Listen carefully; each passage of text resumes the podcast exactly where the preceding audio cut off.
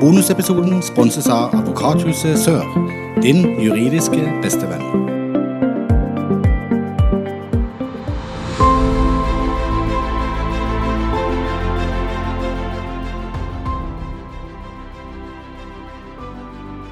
Ja, og velkommen til en skjærgårdsprat eh, litt utenom det vanlige, men kanskje eh, noe av det vanligste allikevel. Eh, for i dag så skal vi ha angstpraten med selveste Gunvor Launes. Overlege, psykiater, eh, og så kan jeg kalle det for dronninga av angst. Dere har, sett, dere har lest flere ganger, er bare google navnet ditt, så kommer det veldig fort opp. Du har liksom fått den tittelen. Ja, sier du det?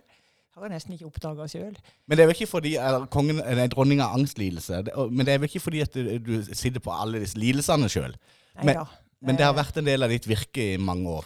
Ja, de siste 25 årene så har jeg jobba veldig mye med angstlidelse. Jeg pleier å si at det er min favorittaktivitet. det er favorittlidelsene mine. Tvangslidelse er jo min absolutte favorittlidelse. Og- Ja, Det er jo en nokså sånn Ja. positiv tilnærming til noe som folk syns er veldig vanskelig. ja det, det er sant. Og jeg husker For noen år siden på Verdensdagen for psykisk helse så var jeg og hørte på et foredrag eh, på Manna videregående, tror jeg det var.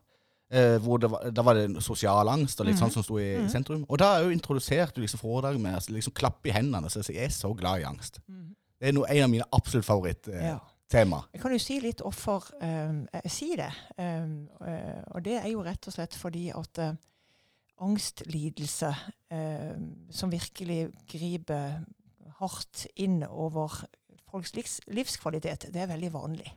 Og det er en veldig vanlig lidelse for både barn og ungdom.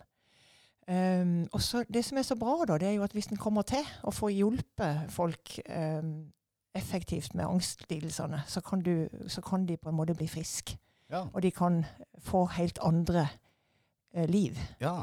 Så jeg pleier å si at det er et enkelt, sånn sett et enkelt menneske som bare rett og slett en enkel terapeut som syns at det er fint å oppnå gode resultater.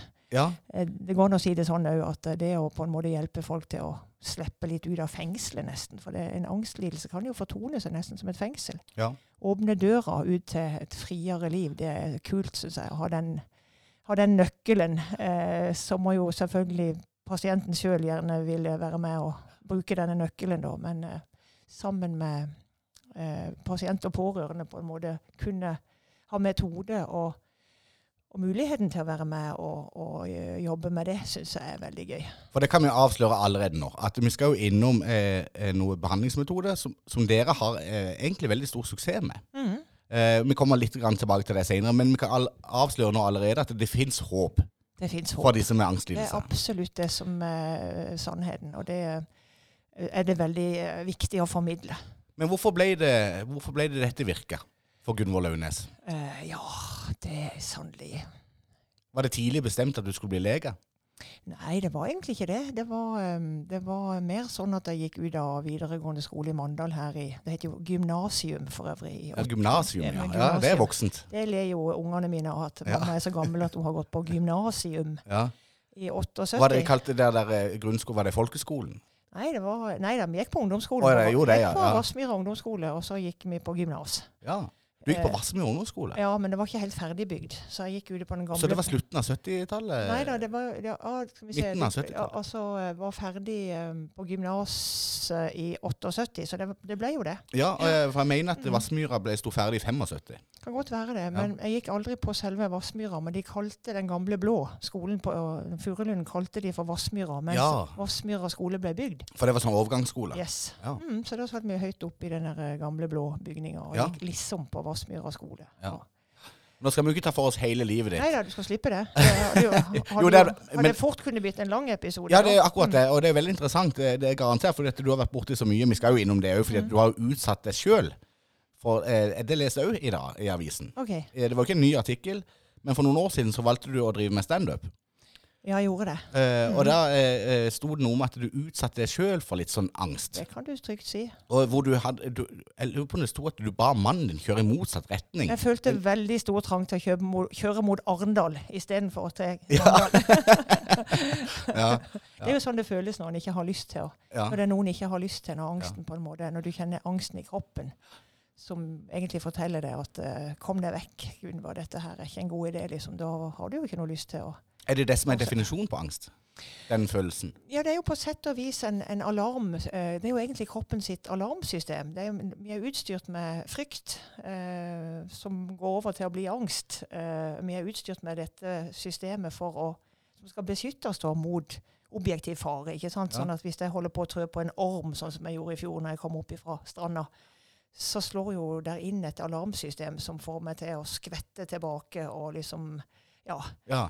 Eh, og da kjenner jeg jo det i hele kroppen. og det sant? tenker jeg jo egentlig er nokså sånn sunn form for uh, Kjempefint. kjempefint. Og det, for det husker jeg jo, det, det, var kanskje det samme foredraget som du holdt den gangen. Så husker du sa det at det, var, det er noe angst, altså, det, er veldig viktig for oss å ha litt angst. For vi skal jo utvikle oss. Og evolusjonen, mm. den, den, skal jo òg gå videre. Absolutt. Så våre forfedre har jo vært redde.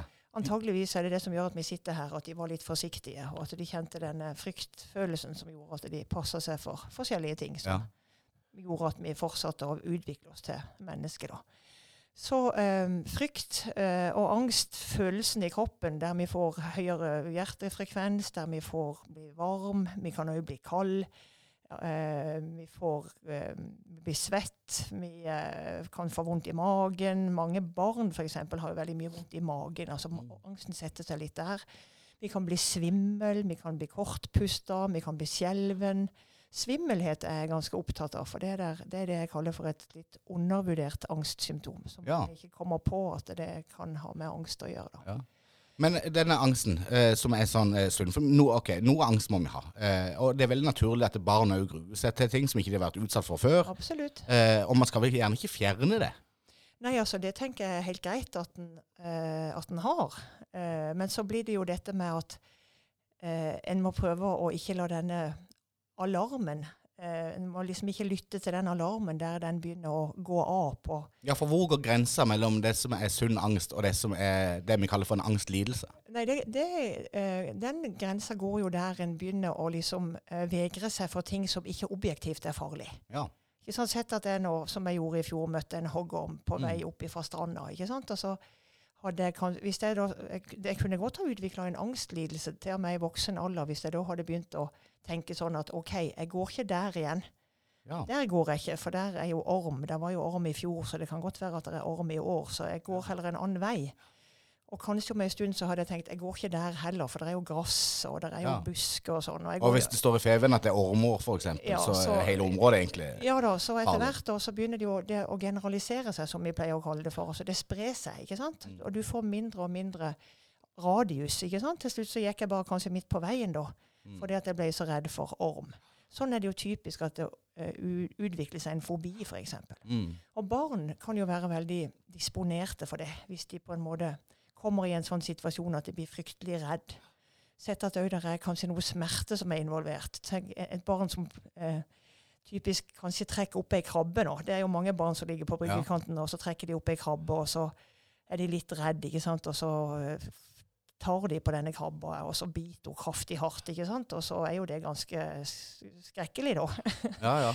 og da, Hvis ikke du får jobba litt sånn konstruktivt med det, så kan det jo fort bli at denne ungen blir redd for, for det. ikke ja. sant? Blir fryktelig redd for krabber, og så kan det bli liksom generalisere seg til at den er i grunnen redd for å være på i nærheten av sjøen, eller tør iallfall ikke å bade, ikke sant? fordi at det er jo krabbe der nede. Og så det er egentlig ganske viktig at, at hvis en som foreldre og besteforeldre er vitne til noe sånn, at en prøver å hjelpe dette barnet til å komme over en sånn ja, for det kan, det kan, smitte litt over andre ting. Ja, ja visst kan det det. Så mm. da, det er liksom sånne små råd som jeg får veldig lyst til å plukke fram i en sånn, når jeg har en mulighet. Ja, ja. Det er jo på en måte å ikke da liksom si at nei, du må aldri mer ta på ei krabbe. ikke sant? Du må ta, ikke sant? Du må bare liksom på en måte prøve å tone det ned, og så prøve å få tak i ei krabbe igjen. Mm.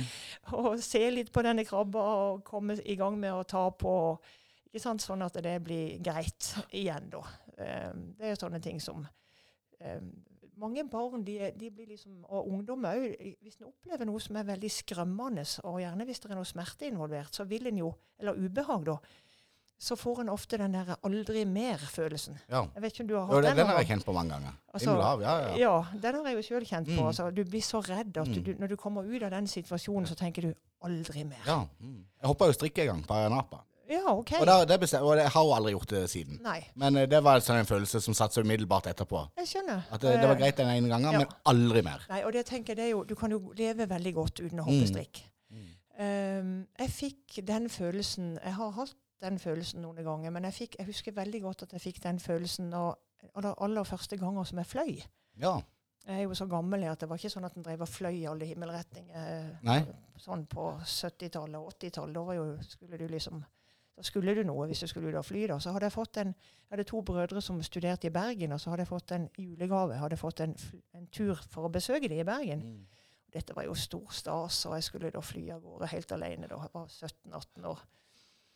Uh, og med en gang vi letta ifra, uh, ifra Kjevik, så ble jeg livredd. Ja.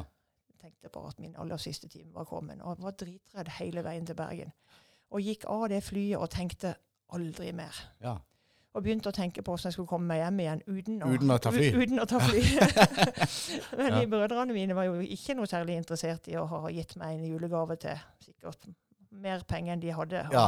Så skulle jeg liksom ta toget hjem igjen. Og, Ja. Nei, det kom ikke på tale, så det var bare å komme seg på det flyet på Ja, kveld. søndag Er noen gode terapeuter, de De brødrene dine? veldig gode. Og, um, men det er ganske sånn viktig greie, da. For jeg har egentlig hatt noe flyskrekk har jeg alltid hatt siden. Mm. Men jeg har aldri latt være å ta det flyet. Det har aldri fått bestemme. Den frykten der har aldri fått lov til å bestemme hvem, om jeg skal fly eller ikke. Skjønner du? Ja, det skjønner jeg godt. Jeg har vært veldig mye redd når jeg har gått på et fly i dårlig vær. Og Mm. særlig når, jeg fikk, når vi fikk barn, så ble jeg mye reddere. For da blir du redd for at du skal dø fra ungene dine. sånn. Selvfølgelig. Mm. Men jeg har aldri latt den frykten få lov til å bestemme om jeg skulle fly noe sted eller ikke. Og, og det er egentlig forskjellen på en måte på sant? Det å, å ha noe frykt, det er helt normalt. Men det å la denne frykten få lov til å bestemme, eh, det er, da blir det en angstlidelse. Og det kan være lurt av og til å komme opp på hesten igjen nokså kjapt etter man har vært utsatt for Absolutt. Jeg hadde jo med min sønn til, på en reise til Kenya for noen år siden. Mm. Han skulle treffe min fremtidige hustru. Okay. Og så fløy vi fra Stavanger eh, til Amsterdam. Mhm. Eh, og så ble han akutt angrepet av sånn en Du vet du kan få i fly når du får en enorm øreverk. Ja, ja, ja. Uff. Altså sånn helt sånn Ja, helt forferdelig. Grusomt. Så han satt jo og grein eh, helt til Amsterdam. Altså, Ja. og, og han var så dårlig at han satt bare og rista. Ja, helt fryktelig. Men når vi kom til Amsterdam, da, så var jeg så glad for at vi skulle på en ny åttetimes tur til Kenya. I et større fly, mindre trøkk i og alt dette her. Ja. For hvis ikke, så ville jeg fått store problemer med å få han på et fly igjen. Hvis det hadde gått lang tid. Så hadde jeg tenkt at det var utrolig greit Mm. at han fikk bare salt opp igjen. Og så fikk han plutselig en annen opplevelse like etterpå, som ikke han så komme. Det er et kjempegodt eksempel, egentlig. På, eh, for da har du kombinasjonen av smerter, og, som da sikkert blir frykt etter hvert. Ja. Så vi som foreldre, tror du mange foreldre sliter med det? Du ser et, barn, et lite barn på to år som ligger med sandkrabbe, og så blir han eh, bitt av den eller klypt av denne sandkrabba. Og så prøver vi liksom å skåne dem for den opplevelsen, for de fikk jo vondt. Og ingen vil jo at barna våre skal ha det vondt. Nei, vi vil jo ikke det. Og så plasserer man ikke de i de situasjonene igjen, for man husker hvordan det gikk forrige gang. Ja, så jeg tenker jo at det krever litt av oss da, som, som voksne, å, å få dette barnet på hesten igjen. Og så er det jo ikke sånn at alle barn må løpe rundt og holde på ei sandkrabbe. Det, er ikke, det er jo ikke et krav. Eh, men det er jo voldsomt greit at hvis en har lyst til det, så kan en gjøre det. ikke sant? Og ikke gå med det dårlige minnet at det var forferdelig vondt. Mm. Det er jo ikke alle krabber som, som blir det. Nei. Jeg snakka med mor her om dagen, for jeg jobber i utelivsbransjen i Mandal. Og det, hun, hun hadde ei datter som skulle jobbe i, utelivsbransjen, som, som rydde opp, oppvaskgreier.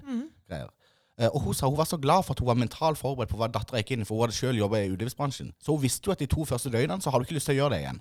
Nei. Fordi det er jo bare kaos, og det er stress, og det er lite mestring, Ja, ja, ja. og alt står på hodet. Men da hadde hun liksom bestemt seg for at hun skal orke å være litt sånn kald nærmest mot dattera si, og så sier hun du tåler det, Mm. men gi det eh, et par uker, og så kan du vurdere det igjen. Og nå stortrives jo hun dattera i den bransjen. Men veldig mange foreldre vil kanskje ha lett for å si ok, jeg skjønner dette er ikke noe for det, nå skal vi skåne det mot de opplevelsene, for dette, du mister nattesøvnen og Jeg tror du er inne på noe kjempeviktig der. altså. Eh, at vi som foreldre, og etter hvert også besteforeldre, at vi eh, orker å stå i det eh, ubehaget som det er å sette våre barn og, og barnebarn ut i det ubehaget som forskjellige ting kan, kan være. Og det leder oss egentlig inn i mitt neste segment, Ja. eh, som eh, går på et av dine favorittema, tvangslidelse. Eh, for det med pårørende der, det har Ja. skjønt det, det er nokså eh, sentralt i behandlinga Mm. av eh, den lidelsen. Kanskje en av de lidelsene hvor man er mest avhengig av å ha hjelp fra pårørende.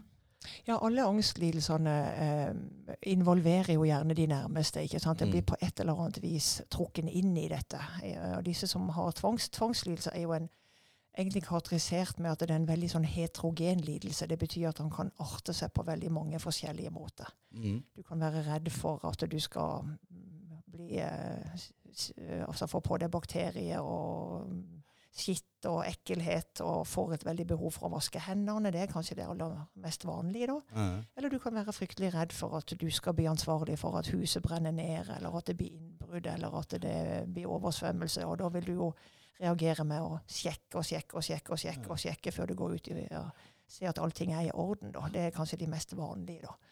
Ja, for Hva er forskjellen på det med tvangstanke og tvangshandlinger? For de aller fleste vil jo kjenne seg igjen med tvangstanke. Altså det med å sjekke kaffe i trakteren, Ja. og det med å sjekke hyttedøra to Ja. ganger etter du reiser fra den. Mhm. Altså, eh, tvangstanken eller tvangsimpulsen, eller et mentalt bilde, den kan komme på tre forskjellige eh, vis, på sett og, Ja. på sett og vis. Da. Um, den, den gir angst. Hvis du får en tanke idet du skal til å gå ut av døra, liksom Oi, husker jeg kaffetraktoren nå? Så er det en tvangstanke. Mm. Det er en setning, på en måte. Og det er en slags påtrengende tanke? Ja, det er en sånn påtrengende Mm. tanke. Du har ikke bedt om den. Han kommer Nei. liksom og, og, og, og den gjør deg urolig. Men den kan jo være litt sunn? Kan den ikke det? Jau, du kan si at hvis du er en, et rotehauge som ofte Mm. glemmer ting eh, Men de som har OCD, tvangslidelse, Mm. de er jo ofte ikke rotehue. De er jo ofte veldig Det er motsatt, ja. Ja. Mm. Så eh, de, eh, de har ofte en falsk alarm Ja. som sier Oi, er du nå helt sikker på at ikke du glemte noe her? ja. Uh, og det, den, den gir jo et, et ubehag. Den gir frykt, og den gir jo sånn tenderer til å gi dårlig samvittighet. For den samvittigheten ligger like bak der. Og, og si sånn OK, da er det jo de skyld. Hvis ikke du, hvis ikke du nå har huska dette, så blir det jo de skyld. Ja. Hvis uh, huset brenner ned nå, så er det jo du som blir ansvarlig for det. Så det Mm. ligger en slags potensiell skyldfølelse der og lurer. lure. Eh, og da er jo handlinger, tvangshandlinger, da blir jo svaret på dette. ikke sant? Ja. Det blir jo at du går og sjekker. ja, og ikke bare én gang nødvendigvis. Nei, men for, for hvis du går bare én gang, så kaller vi, vi ikke det for en tvangslidelse. Da er det innenfor, ikke sant? sånn som du og meg kanskje gjør av og til. mm. Uh, men hvis du uh, får den der gode lettelsen, da, og så tenker du oi, ja, men han, dette var jo fint, ikke sant? Og så går du uh, ut igjen, og så går du ned trappa, og så tenker du oi, var han egentlig ja. Var slått av, egentlig? Og så blir du i tvil. Tvilen er det som karakteriserer i stor grad eh, OCD-en. Den Ja. her, jeg kaller det ofte for tvilesjuga. ja. Så du driver Det er jo et nokså koselig, begrep. Den er gnagende, gnagende tvilen hele Ja. tida, om du skal tørre å stole på eh, sansene dine, egentlig. Hukommelsen din. Uh, altså Skal jeg virkelig stole på at jeg har gjort dette riktig? da? Ja. Så da må du opp igjen og kikke da, og se at ja da, her jeg står, eh, alt er i orden. ikke sant? Og så går du igjen. Og så kommer du kanskje litt lenger ned i trappa før du får denne her tvilen igjen om var det nå virkelig riktig. at det, ikke sant? Så går du opp igjen, og så ser du en gang til, og så tenker du OK. Eh, Jeg tar et bilde av den kaffetrakteren, så eh, ser jeg liksom, så kan jeg bare sjekke nå. ikke Ja. Sånn, Får jeg det igjen, så, så kan jeg jo bare kikke, da. Ja. Den mer moderne varianten. ja, den ser jeg for med smarttelefonen. ja, ja, ja, ja, ikke sant? Så mange har jo noen svære, digre eh, Ja. bibliotek av bilder av kaffetrakteren sin. da. Eh, men det, Nå kan du jo til og med trykke A og på kaffetrakteren på sånn app, sikkert. det kan du helt sikkert. Men det er like, like forstyrrende å har Ja, ja, ja. det, for du kan alltid bli i tvil. Akkurat. For det bildet kan du jo Mm. begynne å lure på om det var fra i går eller fra i dag. Ja. Ikke sant? Eller om det Eh, virker, viser lyset. der, Ja. ja. Mm. Så du må ta fram den eh, telefonen og se på den om igjen og om igjen. og om igjen. Jeg har jo hatt pasienter som har vært så fortvila for at de kom ikke nesten ut av huset sitt. Så de har kommet til timen hos meg da med kaffetraktoren og strykejernet i bilen. ja, Så de er helt sikre på Bare at ikke tro det står på hjemme. To det med, liksom. Veldig trygt og greit. Ja. Og da kan vi le litt. Ja. Ikke av pasienten, men av galskapen, på en Mm. måte som det blir når du blir så redd at ikke du stoler på Mm. Noen. Altså Da Mm. stoler du egentlig ikke på øynene, på uh, sansene dine lenger. Du stoler ikke på deg sjøl. Så tvangslidelsen, sånn som jeg forstår det, da, den består veldig ofte av helt normale tanker. Altså eh, Ja da. de, det, det med å sjekke ting og, ja og være litt sånn usikker på ting. Ja. Men er, er det da det du sier, at det, eh, definisjonen på om du går over til en lidelse, er hvor mye verdi du tillegger Ja, eller om tvilen. men om om du driver på med å sjekke, f.eks. Du kan nesten telle antall minutter. Ja, altså hvis du holder på mer enn en time til dagen og, og liksom løper ut og inn og sjekker noe, eller du vasker hendene om igjen og om igjen og om igjen, og så du har eksem og du lurer på om du har fått med deg alle bakteriene, og om du nå er smittefri eller smittefarlig, eller Altså, vi pleier å si at hvis du har mer enn en time til dagen eh, der du holder på med dette her, og du opplever sjøl at det er overdrevent og noe du ikke har lyst til, Mm. så eh, kaller vi det for en, en lidelse. Da kaller vi det for en obsessive compulsive disorder. Ja, For da bruker man gjerne såpass mye energi og tid på det at det vil forringe noe annet i livet. Ja. Det stjeler jo tid og kapasitet, og ikke minst så stjeler det jo på en måte eh, Hva skal vi si for noe? Konsentrasjon og ro. Du har hele tida en sånn uro i det. ikke sant? Har jeg gjort noe feil? Har jeg gjort det jeg skal?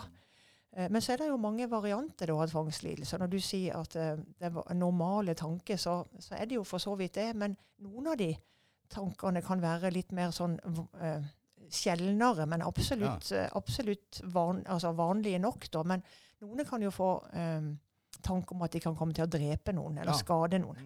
Det er kanskje noen av de vanskeligste, vil jeg si. De som har uh, aggressive og seksuelle og um, religiøse tvangstanker. Det er vel kanskje de menneskene jeg treffer som har det aller vanskeligst. Ja. Eh, for da eh, har de sånne fryktelig tabuiserte tanker som de ikke tør å Gjerne ikke Det skjønner jeg jo veldig å- å- si og fortelle til noen. For ofte så kjenner vi jo til dette med eh, tvangslidelser. Vi har sett det gjennom film, og alt mulig sånn, og veldig ofte så, eh, så eh, assosierer vi det med sånn ekstrem form for vasking, Ja, eller ja. at man sjekker ting ti Ja ganger og teller til tre, og altså disse Mm. tingene. Så ser det litt sånn, Men- eh, så ser det litt sånn vilt ut og litt artig ut, og så kan vi le litt av det.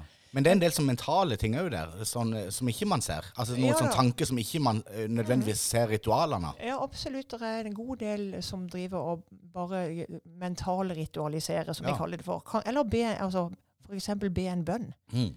Uh, på en spesiell måte. Det, kan, det behøver du ikke å se. ikke sant? Du kan, uh, eller du kan drive og telle på en Mm. spesiell måte for å prøve å nøytralisere en, Ja. en veldig ubehagelig tanke. Hvis jeg hadde hatt en sånn aggressiv eh, OCD, Ja. eller jeg jeg fikk sånne aggressive tanker, så kunne jeg f.eks. ha tenkt, når jeg sa det her med hver vår kaffekopp, Mm. uh, og det var veldig varm kaffe her, så kunne jeg ha fått en sånn tanke Oi, hva om jeg bare tar og kaster den kaffen rett i fjeset på Endre nå? Tenk hvis jeg bare mister kontrollen og går bananas her og bare skader han med den kaffen.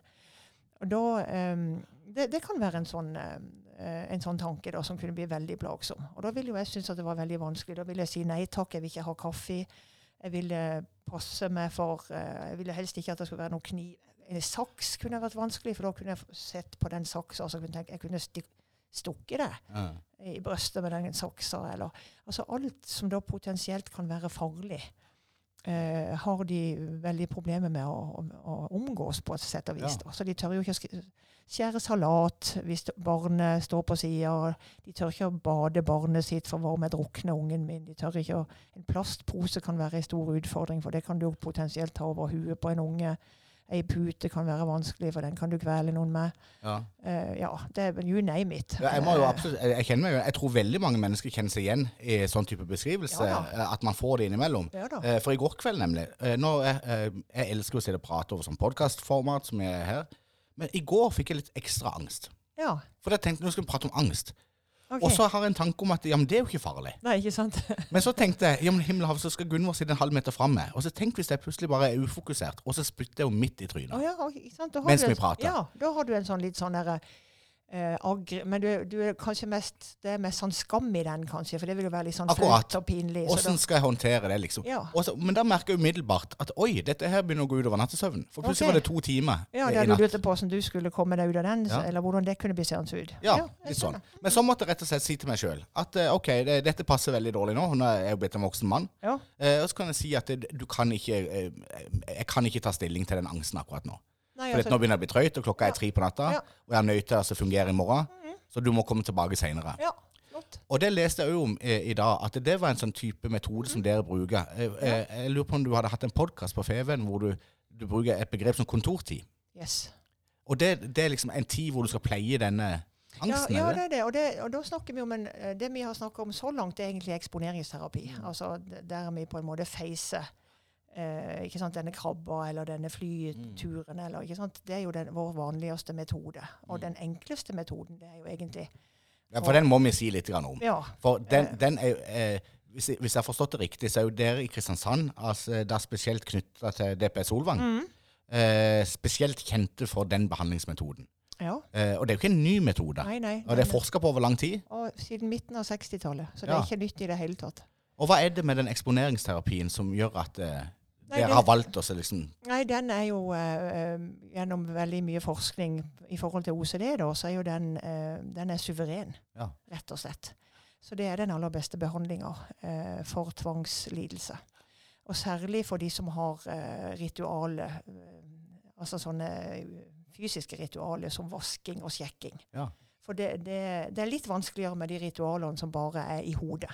Ja. Der en driver bare og teller, eller bare um, nøytraliserer, tenker på ting. Kanskje hvis du tenkte på noe skummelt eller noe stygt, så hadde du kanskje et ritual der du prøvde full fart å liksom skyve det bort og tenke på noe annet. De kan være vanskeligere å, å treffe med eksponeringsterapi. og Det sier seg litt sjøl, for det foregår jo inni, ho inni huet. Mm. Litt sånn som du gjorde i går, da. Når du lå der da, og Mm. tenkte på hvordan du skulle håndtere dette hvis du skulle ha spytta på meg. Mm. Hvordan du da skulle ha gjort det. Det er jo ganske vanskelig å eksponere for. Ja. Du, så Mm. du bare spinner i vei da, og, Mm. og driver og, og egentlig og bekymrer deg og grubler. Eh, og denne metoden som du hørte om, eller som du la oss om i går, da, den heter metakognitiv terapi. Ja. Den er litt annerledes, for da eh, prøver vi å få litt sånn kontroll på den grublinga og bekymringa. Ja. Sånn at istedenfor å ligge i går eh, kveld eh, eller i natt og holde på med dette, at du kunne da si til deg sjøl Se den tanken i øynene og si at OK, det, det dropper jeg nå. Ja. Sover jeg nå, og så eh, får jeg tenke litt på det i morgen. Kanskje ja. ja.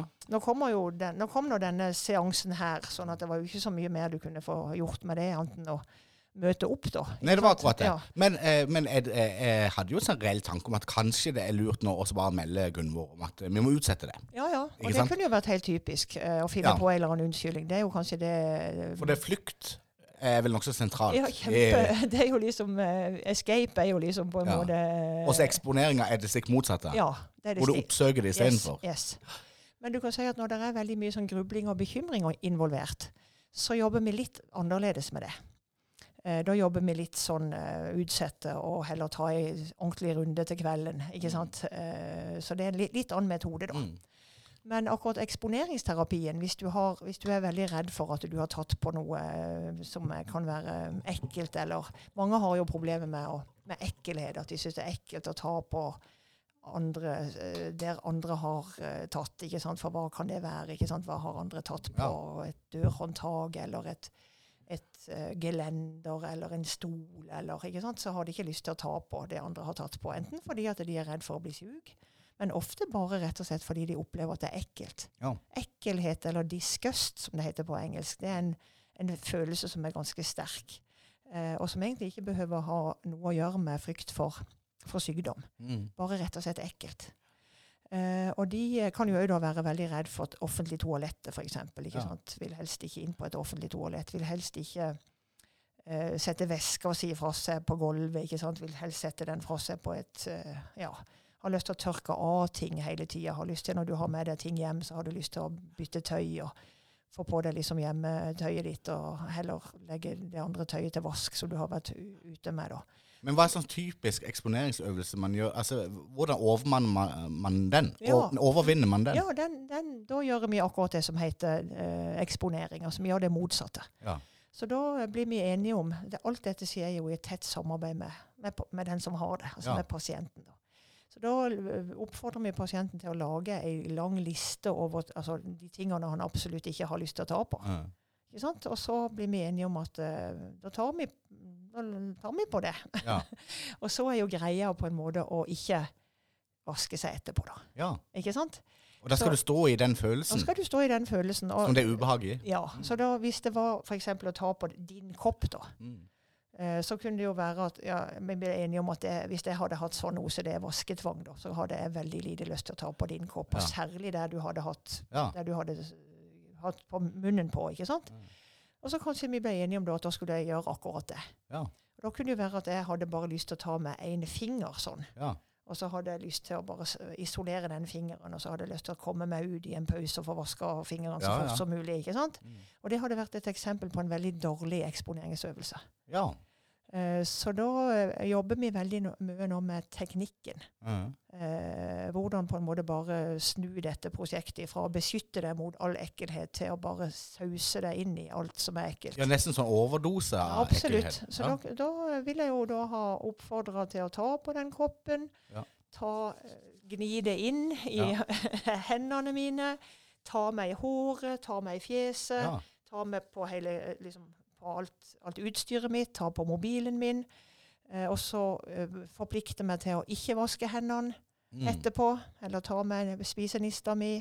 Og når jeg kom hjem, forplikte meg til å ikke ta av meg det tøyet. Eh, ikke vaske hendene, ikke gå i dusjen. Nei. Heller vel, vel sette meg rundt i huset der jeg egentlig ønsker at det skal være helt rent. Mm. Sånne OCD-pasienter har jo gjerne sånne De har en hellig stol, og senga er absolutt hellig. og Ja. Eh, Så heller eh, hive seg opp i senga med tøyet på og bare ta på seg dyna og kanskje legge til med beina på hodeputa litt. Og Men det høres jo nokså krevende ut å gjennomføre det er det. Er det derfor du sier det at eh, dette er et veldig tett samarbeid med pasienten? Yes. For hva skjer hvis ikke pasienten er motivert? Nei, altså du kan si at du kan ikke gjøre dette her Nei. hvis ikke folk er, er, er, skjønner hvorfor de skal gjøre det, og er klar for å ta et oppgjør med dette. Kan, du, kan det få en negativ effekt hvis Ja, man så- eh, ikke gjør det ordentlig? Ja, du kan si at eh, du, du får jo veldig mye ubehag. Mm. Og hvis du da på en måte gir deg litt på altså sånn, Hvis du da blir kanskje overlatt til deg sjøl, og du kommer hjem med denne her fryktelige angsten og hva har jeg nå gjort? Ja, så fòrer du bare angsten mer, da? Ja, så kan det være at du på en måte gir opp, og så går du i dusjen, og så vasker du alt tøyet ditt, og så får du det motsatte av en mestringsfølelse. Ja. ikke sant? Og så, eh, så, så vi er veldig opptatt av at vi er sammen med pasientene. Mm. I, på Solvang nå eh, eh, så gjør vi dette veldig konsentrert, på, gjerne i løpet av en sånn firedagsbehandling. Ja. Da er vi sammen med pasientene. Vi reiser med dem hjem, og vi er med dem når de står i disse første øvelsene, Ja. og, og på en måte eh, støtter dem ja. og, og vis, i- vise dem på en måte den riktige teknikken. Da, sånn at ikke de ikke skal bare få veldig mye ubehag og lite endring. Og jeg har hørt at eh, eh, hvis, hvis man får bukt med det man frykter aller mest For jeg har hørt nemlig at i sånn eksponeringsterapi, så selv, selv om det kan være Si at man er redd for bakterier, f.eks., Mm. så er det ikke nødvendigvis eh, eh, de dørhåndtakene man skal eh, oppsøke og ta på, men det kan være at du f.eks. har høydeskrekk eller edderkoppfobi, eller en eller annen sånn ekstrem frykt. Mm. At hvis du får bukt med noen av de største fryktene dine, at mange av de andre liksom blir med i dragsuget. da. Ja, det, du kan si at det blir jo, det blir jo samme type uh, tilnærming. Men akkurat OCD, akkurat når du har både tanken og ritualet, så må du egentlig jobbe litt spesifikt med det. Mm. Uh, og så kan det godt være at uh, høydeskrekken din kan uh, bli mye lettere å behandle etterpå. Eller at edderkoppskrekken din Ja. kan bli lettere å behandle etterpå. Men ofte så må en jo jobbe med de spesifikke tingene. Men, men hvis du har en god erfaring med at 'oi, det gikk jo bra', så vil du jo ofte være mye Ja. mer eh, både motivert og klar for å gå i gang med dette. Du har liksom eh, du har liksom prøvd noe da som du har sett virkelig virke. Mm. Mm. Så, så det er jo ikke sånn at allting bare forsvinner. Eh, men det kan gå mye lettere når du har fått en metode som du på en måte har fått veldig gode effekter av. Ja, for målet må være eh, å få det ned på et eh, på en måte liksom levelig nivå. Altså under en time om dagen, f.eks. Ja, du kan si at Målet må jo være at uh, du eh, får lov får gjøre det du sjøl har Får livskvalitet. Ja, nei, altså at, eh, Kort og godt at du får gjøre det du har lyst til. Uh, ikke sant? At ikke det er angsten som bestemmer. Hvis du hadde sendt SMS til meg i går eller i dag og så sagt at eh, måtte bare avlyse for du Da er det jo fullt med ræva. Ja, ikke bare det, men, men da hadde angsten bestemt. Ikke sant? Og da Altså, Mm. jeg pleier å si det at ikke, ikke la angsten få lov til å bestemme Nei. hva du skal gjøre. Mm. Så, sånn som med den flyhistorien min. Ikke sant? Jeg har vært mye redd, og det er jeg fortsatt. Men en, jeg har ikke en flyfobi. Mm. For jeg, jeg, jeg tar det flyet, Mm. hvis du skjønner. Mm. Men jeg, jeg kan godt være redd. Men, men eh, det er ikke angsten som bestemmer om jeg skal ta tog eller fly. Nei, Det er det meg som bestemmer. akkurat. Ikke sant? Ja. Og det er ikke angsten som bestemmer om du skal treffe meg i dag på en pod Mm. eller ikke. Mm. Det er det du som bestemmer. Men angsten var inne med en sterk stemme i går og Ja. skulle høres ut til å ta ifra deg liksom Mm. eh, roret der. Mm. Men det fikk han ikke til. Nei, nei. Og det er bra. Så eh, jeg pleier å si det til pasientene at eh, ja, liksom, hva er målet? Ja, målet er jo er ikke, Skal ikke målet være at det er du som skal bestemme? Mm.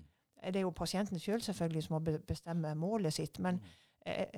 Hvis de er litt usikre på hva de ønsker for noe, så, så pleier jeg å foreslå at hadde det vært fint om du kunne bestemme, eh, og ikke angsten. Hadde det vært fint om du kunne bestemme om du skulle eh, gå på tur i skauen, eller om du skal gå midt på veien, eh, fordi at du er så livredd for orm, eller hva det måtte være for noe. Eller hadde det vært fint at du sjøl kan bestemme om du vil gå på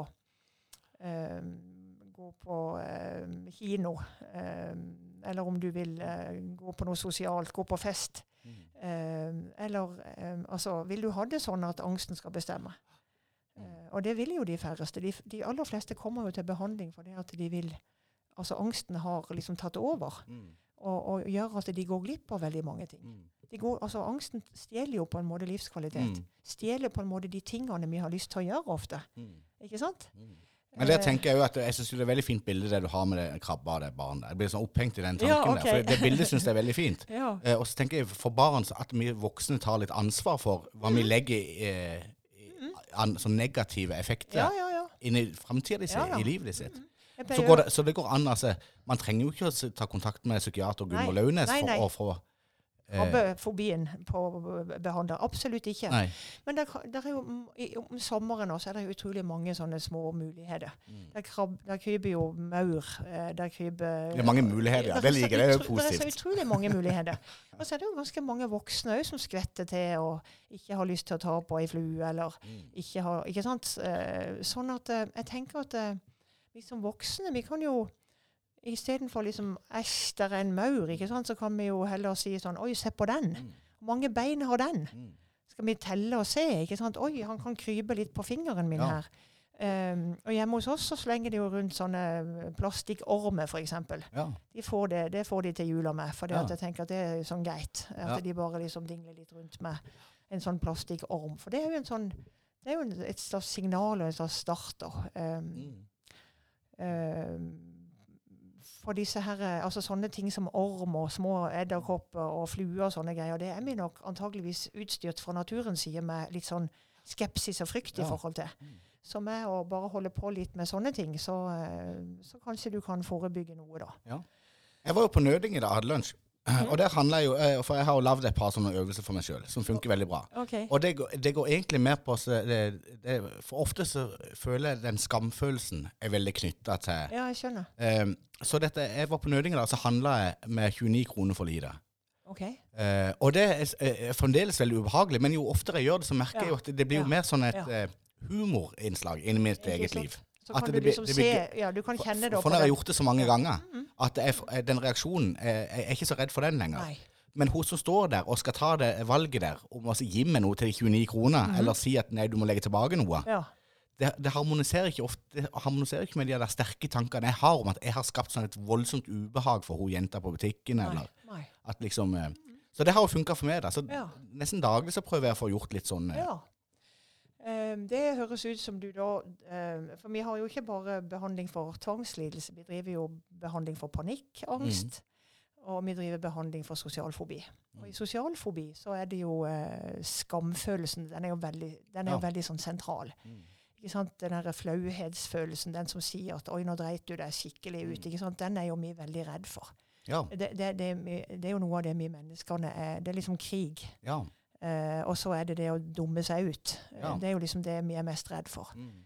Uh, en del mener jo at det med å dumme, drite seg ut, eller dumme seg ut, egentlig kommer før krig. ja. At de er mer redde for det altså, enn Så redde for den sosiale døden, på en måte. Ja. Ikke sant? At, at andre skulle synes at vi var dumme, eller Mm. at andre skulle dømme oss negativt. Og At det er liksom Mm. fryktelig, fryktelig ille, da. Og det er jo veldig sånn allmennmenneskelig. Ja.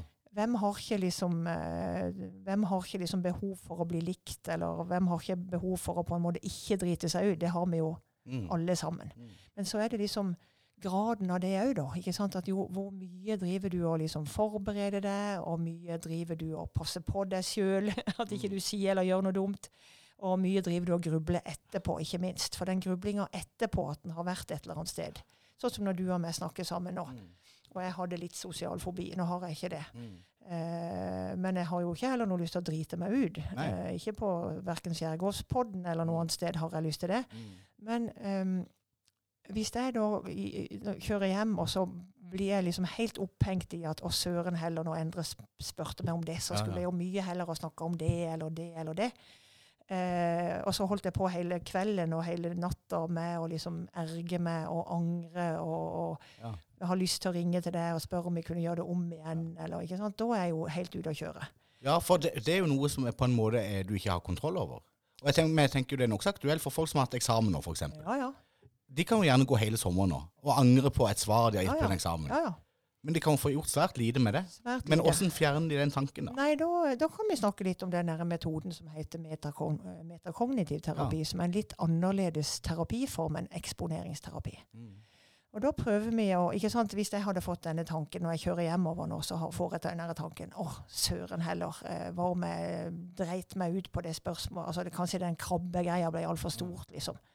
Så skal de sitte ute i hoven og lese skakk av den der krabba, ikke sant? Eller noe, ikke sant? Et eller annet. Mm. Eh, Gunvor er helt opphengt i krabbe. Mm. Og, ikke sant? Så, um, uh, så jeg fikk den tanken hva om det krabbegreiene ble for stort? Um, og så gikk jeg i gang med den tanken. Så gikk jeg i gang og, og styra og tenkte på den og så for meg konsekvenser, og dumt det kom til å bli, og ikke sant? alle kom til å le og peke. og ikke sant? Eh, så da går metoden ut på at eh, når jeg da oppdager at jeg holder på med det Jeg må jo nesten oppdage da at jeg holder på med denne samtalen med meg sjøl oppi hodet. Da ser jeg den, prøver jeg å se den tanken. Jeg prøver å fjer, liksom få den liksom litt ut av hodet mitt. Og så ser jeg på den tanken, og så sier jeg OK, der er du. Mm.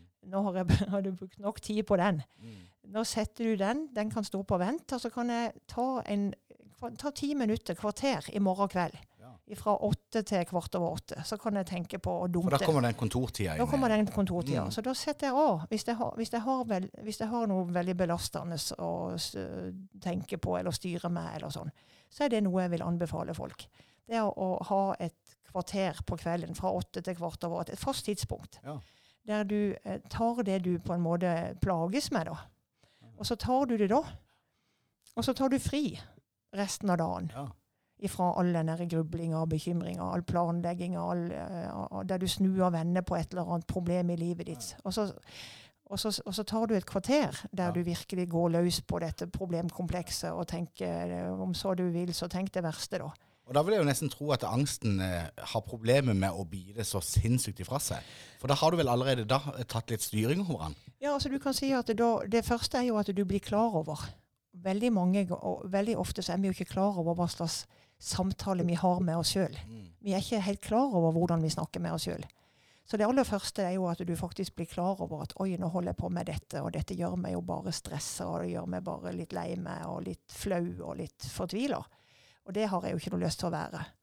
Så nå setter jeg den tanken, jeg ser på tanken, setter den på vent eh, til i morgen eh, klokka åtte til kvart over åtte. Og hver gang han prøver seg, da Han vil jo prøve å banke på døra. Mm. Han vil jo prøve å banke på huet, og ofte så er jeg jo i gang igjen eh, uten at jeg vil.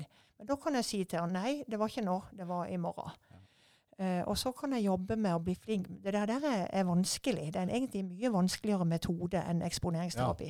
Mm. Så du må øve deg på dette. Mm. Du må rett og slett øve deg på å sette på vent. Og jo sterkere følelse som kommer med denne tanken, jo sterkere følelse av skam, f.eks., eh, eller skyld, Mm. eh, eller frykt, eh, jo vanskeligere er det å la være. Ja. Det har du sikkert uh, merka sjøl, at jo mer du er redd for at nå dreit du deg, Mm. jo, eller at nå ødela du for noen, eller nå sa du noe som såra noen, jo, jo vanskeligere er det å på en måte la være Mm. å gruble. Ja, ja, absolutt. Eh, så så det, det, dette er noe som du trenger på en måte trening på. Det er ikke sånn at du bare liksom deler ut dette rådet. Det høres veldig enkelt ut, ikke sant? Ja, og ofte så føler jeg jo den angsten kommer eh, når det minst passer. Altså når du er gjerne litt underskudd av energi, eller du står i en eller annen stressfull situasjon, i Ja ei kø på en butikk, Ja, eller ja. der hvor det er litt kaotisk. Mm. Eh, for jeg ser for, Det er jo sjelden han kommer når du ligger på sånn solseng på Ayanapa, hvor alt er perfekt. Ja, jeg har ikke vært på, i den situasjonen, så Nei, men jeg ser for meg at den ofte kommer eh, når eh, folk minst eh, har, eh, Mm. trenger det, på en Ja, måte. ja, ikke sant? Og da er det vel enda vanskeligere å støyte det vekk. Ja, det, For han er altså- litt sleip sånn, den angsten. Ja, Altså, absolutt. Og så kan du si at det er og mye følelse som er knytta til dette. ikke sant? Og det behøver jo ikke bare være frykt. Det er jo ofte skyldfølelse blanda inn. Det er skamfølelse. Den er jo sterk ofte. Og så kan du ha denne ekkelhetsfølelsen blanda inn, Mm. ikke sant? som gjør at eh, frykten på en måte blir blanda ut med disse andre følelsene. Som gjør at de eh, kan være utrolig vanskelig å legge vekk. da. Og de, eh, de som har altså, skyld, skyldfølelse, f.eks., den kan jo være veldig vanskelig å legge vekk. For da får du et sånt du, du har behov for å prøve å finne ut av burde jeg ha ringt og sagt unnskyld. Ja. Burde jeg på en måte ha ordna opp i dette. Ikke sant? Eh, så det føles litt sånn riktig på sett og vis å drive og tenke litt på dette. ikke sant? Det er sånn så moralsk eh, Ja, det gjør jo det. Ja. Er det virkelig riktig å bare legge Mm. bort dette spørsmålet hvis jeg sårer noen nå i dag? Mm. ikke sant? Er det da liksom, er det da riktig å på en måte bare la være og liksom bare legge det bort og si ja, ja, jeg venter til i morgen? Mm. Så da kan det jo av og til være sånn at du eh, har en sterk følelse av at det er lurt å, å tenke seg ferdig her, og så blir du egentlig aldri ferdig. Så mange av de som har det vi kaller for generalisert angst, altså de som er redd for alt mulig, som jeg pleier å si Jeg vet ikke om du har lest eller hørt om den diagnosen, generalisert angst. Mm. Eh, de er jo liksom redd for når de skal reise til Syden. Ja, ja, nå skal de jo ikke så mange reise til Syden siden SAS streiker, da. Men, men hvis de skal reise til Syden, så kan de jo lure fælt på hva de skal ha med seg for noe. Om de, eh, ja, om de skal komme på tida. Og, ja, og da kan de jo finne, ha et veldig behov for å planlegge, f.eks. De kan jo ha et kjempestort behov for å planlegge hvis de bare skal til Mandal fra Harkmark. For om det er parkeringsplasser, parkeringsplass, og om de får betalt i parkeringshuset, om det er mm, ja, stort behov for å bare planlegge sånne ting. da. Mm. Lurer på hvor mange trusen skal ha med seg, om det er fem eller syv, eller kanskje ringe til mora og høre om det holder med ja, altså Voldsomt planleggingsbehov Mm. for alt mulig. Har jeg med meg noe temperaturmål og alle tablettene og alle Så de, eh, de har, eh, kan ha veldig god eh, nytte av denne metakognitive terapien. Det er noen sabla gode resultater på på metakognitiv terapi og generalisert Mm. angst. De med generalisert angst de har det egentlig ganske fælt, for de går konstant med noe. De er alltid redd for noe. De har masse katastrofetanker Mm. om ja, um, om juletreet skulle komme til å kante over babyen, så babyen fikk ei barnål i øyet og ble blind. Mm. Eller at du kom borti ei med kaffekoppen sin som uh, skvatt halvparten av kaffen skvatt ut, og kanskje denne dama egentlig trengte alle de, alt, all den koffeinen for å ikke bli farlig i trafikken. Ja. Eller, altså, ja, you name it. Det er utrolig. Det er Altså, ingen grense for eh, nei, altså, er du en katastrofetanker, så, tenker, så er det ingen grense for hva Nei. du kan eh, komme på, altså. Men er- hvordan står det til med sånn type behandlingstilbud i det norske helsevesen? Eh, For det har jeg skjønt, at det, Mm. det, du får det ikke overalt. Nei, det er ikke hver bygd som tilbyr Nei, og det er jo egentlig min store bekymring. Ja. Det har vært min store bekymring i de 25 årene som jeg har holdt på med dette. Og derfor har jeg jo vært veldig ivrig i forhold til å prøve å få uh, bidra til oppbygging av, av kompetanse og miljø der, der uh, folk som kan dette her godt. Og. Så det, det har liksom vært det som har vært ideen min eh, i disse årene. Det er å lage gode team med, med eh, terapeuter som virkelig er trent på dette. Sånn at de kan levere eh, behandling med høy kvalitet. For det, for det er mange som lider av ja, det, det er veldig mange i forhold altså. til behandlingstilbud. Det, det er ikke helt harmoni med Nei, det, det er ikke det. Men det der er minst harmoni med, er egentlig organiseringa. Ja. For det at uh, det er liksom uh, ikke nok uh, Skal jeg si for noe? Der er, det er, vi er ikke gode nok i det norske helsevesen til å organisere oss sånn at det er sånne team. Som dette OCD-teamet på Solvang f.eks. Mm. Det var det et helt strev å få gjennomslag for. For det at det var, det var ikke vanlig, på en måte. Nei. Nå ble det et nasjonalt prosjekt, heldigvis. Og nå har alle helseforetak de har sånne OCD-team. Men det er jo relativt nytt i Norge. Men vi Men, alle alle helseteam, det vil si Helse Sør-Øst og Helse ja, også, men, Nord men men, enda mindre enn det. Også, uh, På DPS? he- uh, nei, helt, ikke, ikke på DPS-nivå, men helt ned på sånn uh, helseforetaksnivå. mm. Så Solvang skal betjene hele Sørlandet sykehus Ja. fra Flekkefjord til Risør Mm. eh, på akkurat OCD. Ja. Men sosial fobi og panikk, eh, da må DPS-ene sjøl sørge for dette, da. Og det begynner de å bli rusta for? Akkurat nå så jobber jeg med det i eh, Kvinesdal. Ja. Jeg jobber i Kvinesdal nå med å ruste opp i forhold til det med, med sosial fobi og panikklidelse Ja. etter samme metoden her, da. Mm. Og så jobber vi med denne metakognitive metoden, som òg holder på å eh, spre seg. Eh, men der har vi enda mye å, å hente. Ja. Så der, eh, Jeg elsker å drive gruppe, da. Så eh, der har vi nå starta med I Kvinesdal har vi nå starta sånne metakognitive grupper. For de som driver katastrofetenker. Ja. Og det, de, går over, de går over ti uker, da. Mm. Eh, Og så treffes kanskje seks pasienter og to-tre terapeuter en gang i uka i, i ti uker i en to-tre timer. Mm. Og så eh, ser det ut som at de, ganske, de er ganske fornøyde, i alle fall. Eh, og så skal vi til å forske på nå, på hvordan det går med dem. For vi er veldig opptatt av å se på effekter.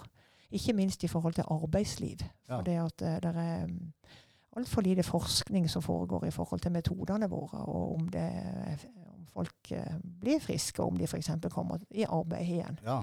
Så det er vi opptatt av. Men det har nokså gode tall allikevel? På, ja, altså på OCD der har vi forska på våre på egne Eksponeringsterapi? Ja, på mm. våre egne pasienter. Og Hva sier de tallene? Ja, de er kjempe, kjempegode resultater. Ja. Supergode resultater. Det er sånn 70 uh, liksom uh, Suksessraten? Ja, ja. det er jo veldig høyt høyt. Ja, det, det er og det er helt uten medisinbruk? Det er bare Ja, du kan si at det er jo eh, ca. 30-40% av de som kommer til behandling, bruker et eller annet medikament. Et sånt, et, mm. en lykkepille eller et eller annet i den retning. Og vi, vi kjører behandlinger helt uavhengig om, om, folk bruker medisin eller ikke. Så det er ikke sånn at de må slutte med medisin. eller det er ikke sånn at de, altså, Behandlinga er det vi kaller medikamentuavhengig. Ja. Eh, og så Når vi da ser på, for det har vi gjort på, i forskninga vår, sett på de som bruker medisiner, får de bedre eller får de dårligere effekt? Og der kan vi ikke vise noe forskjell i det hele tatt. Nei. Så, så denne psykologiske behandlinga er helt medikamentuavhengig. Ja. Eh, men vi kan ikke ha folk som, som bruker B-preparat, altså angstdempende medisin. Det, det, går ikke. Nei, for du skal få kontakt med akkurat ja, disse så Hvis du tar deg en Sobril før du skal eksponere det, så får du ikke noe effekt. Da har du jo, tenker du har isolert de sterkeste følelsene ja, før du kommer. Sant? Eller du tar deg en, en kraftig god uh, gin og tonic ja, utenfor liksom, før du går i gang. Så er du liksom uh, da, da får du ikke effekt. Du, For en sånn 15-16 minutter siden så overførte du eh, en eh, påtrengende tanke til meg. Sier du det? Ja, og som, som, jeg har tenkt, Nå har jeg prøvd, som du har sagt, altså jeg må skape et bilde av den tanken ja. på utsida av meg sjøl, og så si at du må komme tilbake i morgen. Ja. Men jeg tror jeg skal si den høyt allikevel. Ja, gjør det. Eh, fordi at du sa det at eh, tenk, hvis, tenk, hvis, jeg tenker eh, at jeg, jeg, tenker plutselig at eh, krabbe fikk litt for stor plass ja. i denne praten. Så kom jeg til å tenke på at du vet Spitsbo i Mandal, Ved trappestrendene. Ja, ok. Det var et av de første handelsstedene i okay, Mandal. Okay. Og i 1699 så bodde det fire mennesker på Spitsbo. Okay. For det var i ferd med å bli fraflytta. Men den fjerde som flytta derifra, etter hans kone Karen døde, han heter Hans Krabbe. Så Hans Krabbe nå den ligger liksom og kverner der i de siste 14-15 minutter. Jeg skjønner. Ja. Skal vi gjøre noe med det? Nei da, nå er jeg ferdig med det. Ja, okay. Garantert. Eh, men jeg har litt lyst til å se på framtida her mot slutten. Ja. For åssen ser den ut? For jeg kan nemlig huske for noen år siden så sier du at eh, Og jeg tror vi begynner å nærme oss nå, faktisk. For 2024, 2025, 2026, rundt der en plass, så kommer vi til å bli møtt av en bølge av unge mennesker som vil kjenne på OCD. Eh, og så sa du Det var noe i forbindelse med svineinfluensa eller et eller annet sånn, mm. eh, tidlig på 2000-tallet, okay. som gjorde at barna ble så utrolig skånt mot å være skitten. Og de bytta ut karamell med kassa, husker jeg du sa, med sånne håndspritgreier. Du var ikke ja. noe særlig fan av det. Jeg var ikke det. Og på stranda, så før, hvis du fikk noe sand på hendene, så var det rett opp med sånn håndsprit som var helt tilpassa i lomma. Ja, eller sånne, sånne uh, wipes, vet du. Ja, ja, ja. Wipes ja. er jo liksom på plass med en gang. Nei, altså i 2009 hadde vi jo svineinfluensa. Ja.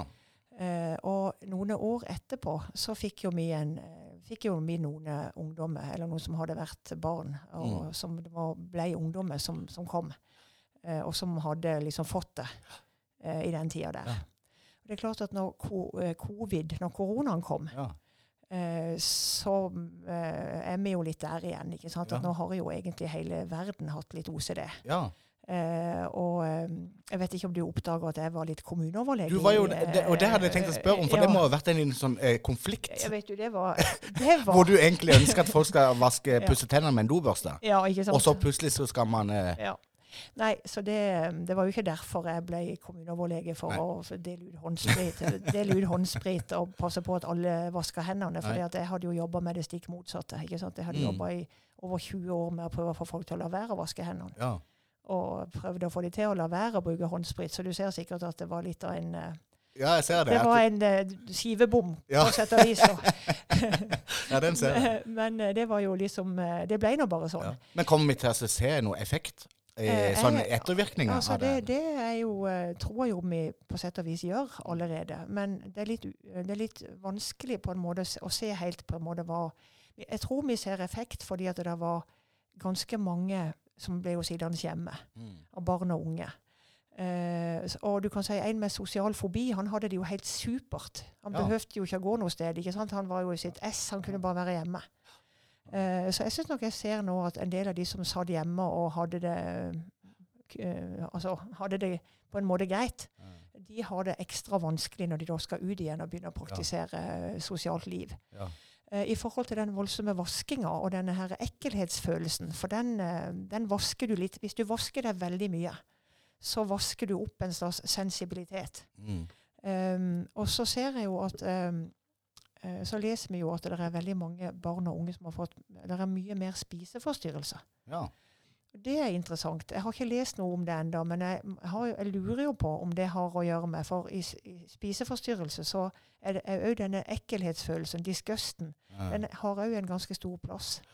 Så jeg lurer jo på om det er noe eh, ko koblinger der. Men det, det, det, kan ikke, det kan vi ikke si. Jeg kan ikke si det. Men det kan godt være at det vil komme noe forskning som kan si noe om det etter hvert. Ja, for dette, det med den avskyen i forhold til eh, og disgust og sånn, at det, det trigger sånn selvbilde eh, hos veldig mange ja. barn og unge. Ja, du kan jo si at eh, eh, hvis vi ser en kjempeovervektig person i Mm. Dyreparken, så, der, ikke sant, så kan du jo nesten se på Hvis du ser rundt deg, så, så er det jo nesten sånn litt æsj på leppene til noen. Ja. Vet ikke Mm. du har lagt merke Ja, til ja, det? ja, absolutt. Eh, og det er, jo, det er jo en forferdelig ekskluderende Mm. uh, følelse. ikke sant? Og som det ser ut som at de som er fryktelig opptatt av vekt og kontroll, Mm. kan være litt utsatt for uh, Men dette, dette er litt spekulasjoner, da. Men jeg hadde liksom ikke tenkt at det var en hel haug med spiseforstyrrelser vi skulle få. Nei. Men det kan allikevel være at uh, det kan, Og det er noe som er spesielt uh, nå ja, i det ser, ut, det ser ut som det. Det har vært mye snakk om det det siste året. Og det har sprukket helt det der uh, behandlingsopplegget for de Ja. pasientene. Det jeg hadde tenkt, det var jo at vi skulle få en diger bølge av, av OCD. Ja, Uh, og det er jo ikke for seint. ja med vasketvang. Ja, ja. Mm. Eh, Når du ser disse her uh, ungene som nå har uh, starta dagen i barnehaven når de var to år Mm. med å sprite hendene, ja. eh, og, og har gjort det flere ganger til dagen, Ja. du kan jo lure på om det ikke kommer til å sette noe spor. ja. Det vil jeg jo absolutt tro. Jeg vil jo Mm. tenke det. Så nå håper jeg at alle foreldre nå på en måte virkelig prøver å reversere dette.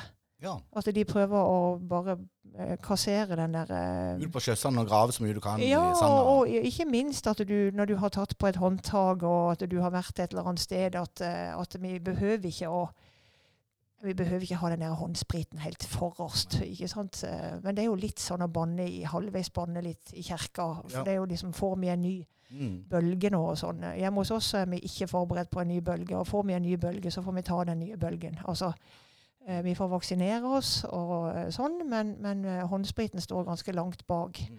Og nå har jeg hengt opp på et av soverommene da, til, til ungdommen har jeg eh, hengt opp som en kuriositet at de må huske på å holde meteren.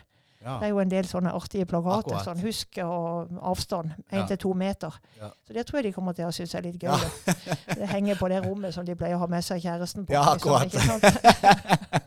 ja, det jo utrolig så, bra. så jeg tror at eh, jeg tror vi må prøve om vi kan normalisere tilværelsen. Ja. Det er noen eh, kollegaer som er så sabla begeistra for at eh, det ble så lite infeksjonssykdom, og folk døde jo ikke av noen ting der. Mm.